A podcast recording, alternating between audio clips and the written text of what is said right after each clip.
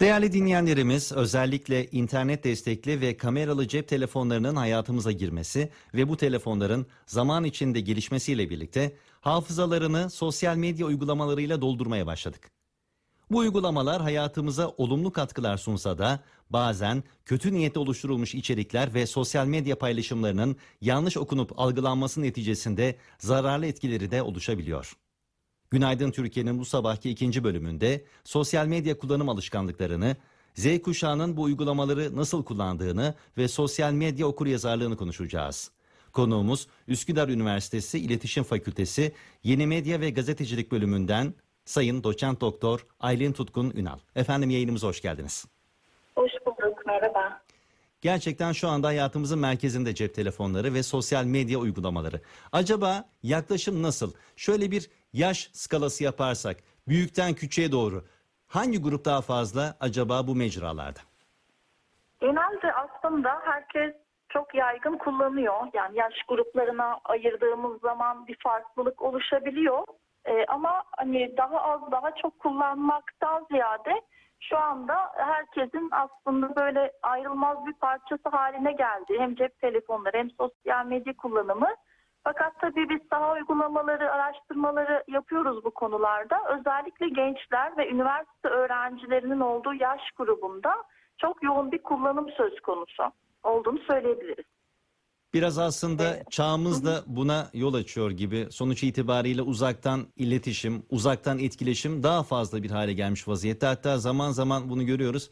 İki arkadaş yan yana konuşmak yerine birbirlerine cep telefonundan mesaj atıyorlar ya da sosyal içerik paylaşıyorlar. Bu anlamda aslında iletişim alışkanlıklarının değiştiğini söyleyebiliriz. Aynı masada oturuyor işte gençler bahsettiğiniz gibi e, telefondan mesajlaşıyor. Biz bazen derslerde şimdi uzaktan eğitime işte geçmek durumunda kaldık biliyorsunuz. Orada bazen gö göz ucuyla bakıyorum e, eğitim esnasında da cepten birbirlerine bir şeyler yazıyorlar. Tabii biz bunları görebiliyoruz bazen. E, iletişim alışkanlıkları gerçekten dönüştü. Artık herkes sosyal medyadan arkadaşlıklarını devam ettiriyor. Bu hatta yüz yüze iletişim e, alışkanlıklarının da önüne geçtiğini söyleyebiliriz. E, diğer yanda eğlence amaçlı çok fazla kullanıyor genç gruplar. Üniversite öğrencilerinin olduğu yaş grubu, hatta daha alt yaş grupları, gençler, ergenler, lise öğrencileri, ilk öğretim ikinci kademe e, öğrencileri çok yoğun bir şekilde sosyal medya mecralarını kullanıyorlar ve bütün belki de vakitlerini orada ayıran bir grup da var. Baktığımız zaman mesela e, çok azımsanmayacak ama %20'ye yakın bir grup günde 7 saatten fazla sosyal medya kullanıyor çıkıyor araştırmalar yaptığımız zaman. E, bu çok fazla bir vakit. Yani sanki orada yaşama durumu var. Devamlı orada iletişim, alışveriş, e, yeme içme alışkanlıkları da işte devamlı oradan oldukları için e, işte eve sipariş özellikle bu pandemi döneminde e, çok farklı kullanımlarla birlikte e, farklı sanki bir mecraya gerek kalmadı veya çıkıp dışarı gezmek ihtiyaç kalmadı. E, böyle bir duruma gelmiş e, oluyoruz. Acaba geleneksel kitle iletişim araçları rafa mı kalkacak? Eskiden gazeteler vardı, radyolar vardı. Benim çocukluğumda mesela belirli saatlerde açılıp kapanan televizyon vardı. Ama şimdi baktığımızda kişilere özgü içerik üretilen çeşitli mecralar var. Geleneksel iletişim araçları bir dönüşüme uğradı ve bu çok hızlı oldu. Yani bizlere de e, geçmişe baktığımız zaman dediğiniz gibi e, işte renkli televizyonlara geçiş hatta öncesinde işte siyah beyaz televizyonlar vardı. Belirli saatlerde açılıp kapanıyordu. Radyo dinleme alışkanlıkları vardı. Aynı nesildeki yani aynı yaş grubundaki kişiler şu an bilgisayar teknolojilerine maruz kaldı. Yani e, bu çok hızlı bir dönüşümü gösteriyor aslına bakarsak. Bir adaptasyon söz konusu. Yani her dönemde yeni bir iletişim aracı çıkıyor ve kişiler e, ona adapte oluyor, uyum sağlıyorlar. Ve e, bu da hem iş yapma şekillerini hem alışkanlıkları e, pek çok böyle sosyal ilişkileri e, dönüştürüyor. E, böyle bakabiliriz duruma ve buna hani uyum sağlamak zorunda kalıyoruz. Çünkü baktığınız zaman iş yaşantısında e, bizler işte bilgisayarı kullanmamız gerekiyor. Özellikle bu kuşak araştırmalarında e, bu bilgisayar teknolojilerin yakın veya uzak kuşaklar olarak da ele alıyoruz. E, ve gençler daha yakın olduğu için bu yüzden de daha çok kullanıyorlar. Daha özellikli kullanıyorlar. E, ama mesela biraz daha orta yaşlara gittiğiniz zaman e, daha sonradan uyum sağladıkları için daha farklı kullanıyorlar. Böyle bir e, adaptasyon sürecinden geçiyoruz. Biz teknolojiyi kullanıyoruz ama acaba teknoloji bizi mi kullanıyor? Teknoloji aslında bir yandan sanki insanlara hükmediyor baktığımız zaman. Çünkü e, biz istemesek de buna maruz kalıyoruz. Yani tabii ki olumlu yanları var, olumsuz yanları var. İşlerimizi kolaylaştırıyor. Ulaşamayacağımız kişilere ulaşabiliyoruz. Yani dünyanın öbür ucundan e, hiç erişemeyeceğimiz mesela bir ünlü bir kişiye veya bir arkadaş edinme, bir müzik tarzına ulaşabiliyoruz. Bu hani olumlu yönleri çok fazla. Özellikle uzaktan eğitim. Bir ara hatta Facebook'tan eğitim yapma çok popüler olmuştu ülkemizde. Orada Facebook grubunun eğitimde nasıl kullanılacağına ilgili araştırmalar yapılıyordu.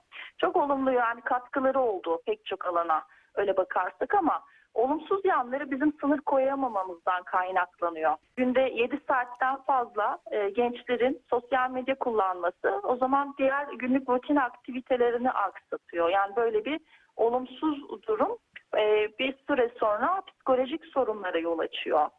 E, yani bakarsanız 1-3 saat kullanımı ülkemizde çok yaygın yani bakılan araştırmalarda ama gençlerde bu durumda 4-6 saat 7 saatten fazla kullanma durumu daha çok görülüyor.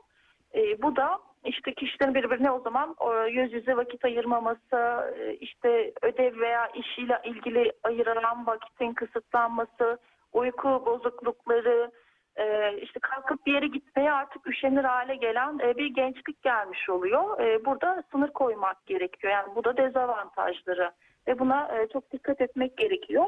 E, bunun çünkü e, hayatın yerine geçmesine de bir yandan izin vermemek gerekir. Sınırsız bilgi kaynağı olan bu ortama nasıl sınır koyacağız peki? E, yani burada kişinin ihtiyaçlarını eğer olabiliyorsa yüz yüze e, gidermesi önerilebilir. Mesela sosyal aktivitelerini yüz yüze işte e, iletişim veya sosyal etkileşime dönüştürebilirler. Yani biraz oradan biraz oradan. Çünkü devamlı e, bütün e, ihtiyaçlarımızı biz sosyal medyadan karşılarsak sınır koyamayız. E, burada günlük iletişimin arttırılması olabilir.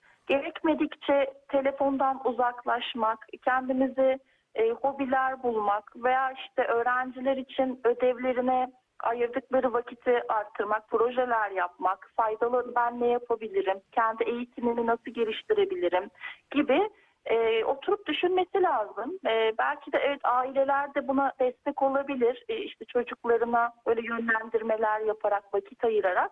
Aslında işin özeti kişilerin birbirine vakit ayırması. Yani günlük iletişimi artırmak. Çünkü baktığınız zaman aynı evde bile anne baba telefonda, çocuk telefonda e, çocuklar örnek alıyor. Yani bakıyor anne baba zaten ilgilenmiyor. O da sıkılıp kendi telefona verebiliyor.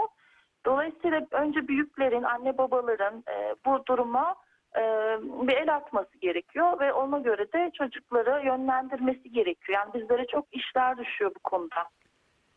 Medya okur yazarlığından bahsetmiştik geçmişte. Şimdi acaba bu iş yavaş yavaş sosyal medya okur yazarlığına mı dönüşüyor?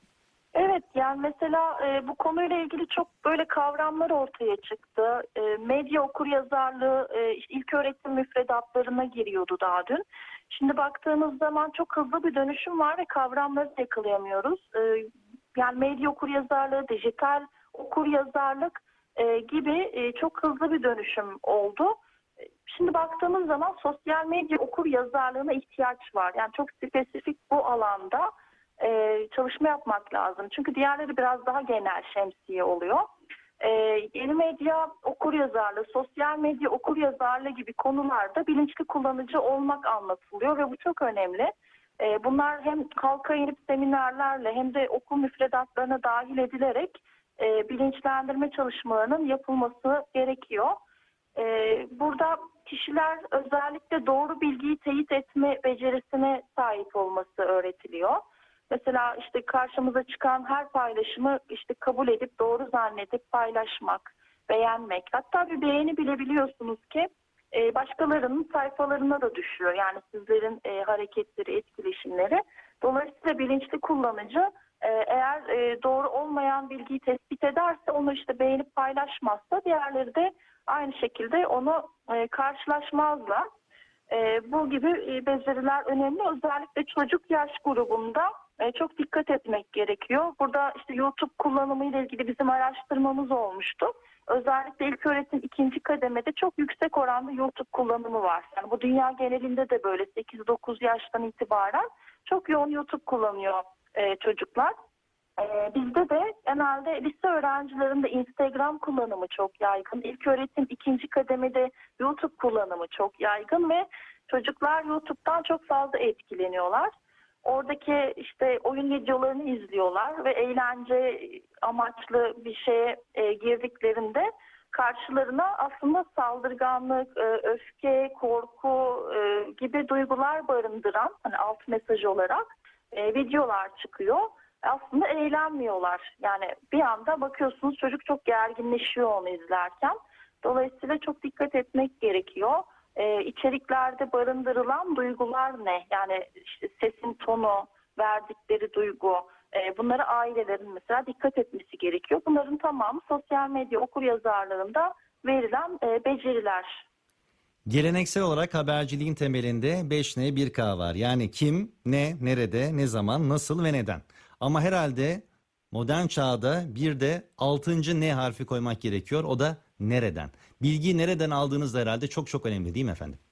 Evet, bilgiyi e, sosyal medyadan aldığınız zaman teyit etmek zorundasınız. Yani e, çünkü artık herkes e, haberci gibi davranmaya başladı. İşte yolda geçerken bir e, haber yapıyor, işte fotoğraf çekiyor e, ve herkes bilgi paylaşıyor. Bir enformasyon bombardımanının olduğu bir mecra. Dolayısıyla burada e, bir bilgiyle karşılaştığınız zaman farklı sitelerden kontrol edip birkaç e, yerden resmi kuruluşlardan özellikle sağlık haberlerini son zamanlarda teyit edip yaymak e, daha önemli hale geldi. Burada kendi kontrolümüzü yapmak zorundayız. Yani geleneksel medyadan farkı da bu aslında. Yani kişiler burada özgür ve kendileri her istediğini paylaşabiliyor. Ee, bizler de o bilgiyi alırken kontrollü olmak ve teyit etmek zorundayız. Yoksa her gördüğümüzde inanırsak e, ve onu hemen paylaşıp e, işte yayarsak diğer kişileri de ona maruz bırakırız ve e, bu da kişilere zarar verir. Biz burada duygusal bulaşmayı da anlatıyoruz. Mesela sosyal medyada sizin e, gönderdiğiniz yazılı veya görsel mesajın altında barındırılan duygular her neyse günlük yaşantıda olduğu gibi diğer kişilerin duygularını etkiliyor. Yani eğer olumsuz bir haber veya içerik paylaştıysanız e, diğer e, kişiler de bunu görenler de o ruh haline giriyor gibi böyle deneyler yapılıyor. Bu da çok önemli bir konu. Yani duygusal bulaşma. Olumsuza mail etmek daha mı fazla acaba sosyal medyada?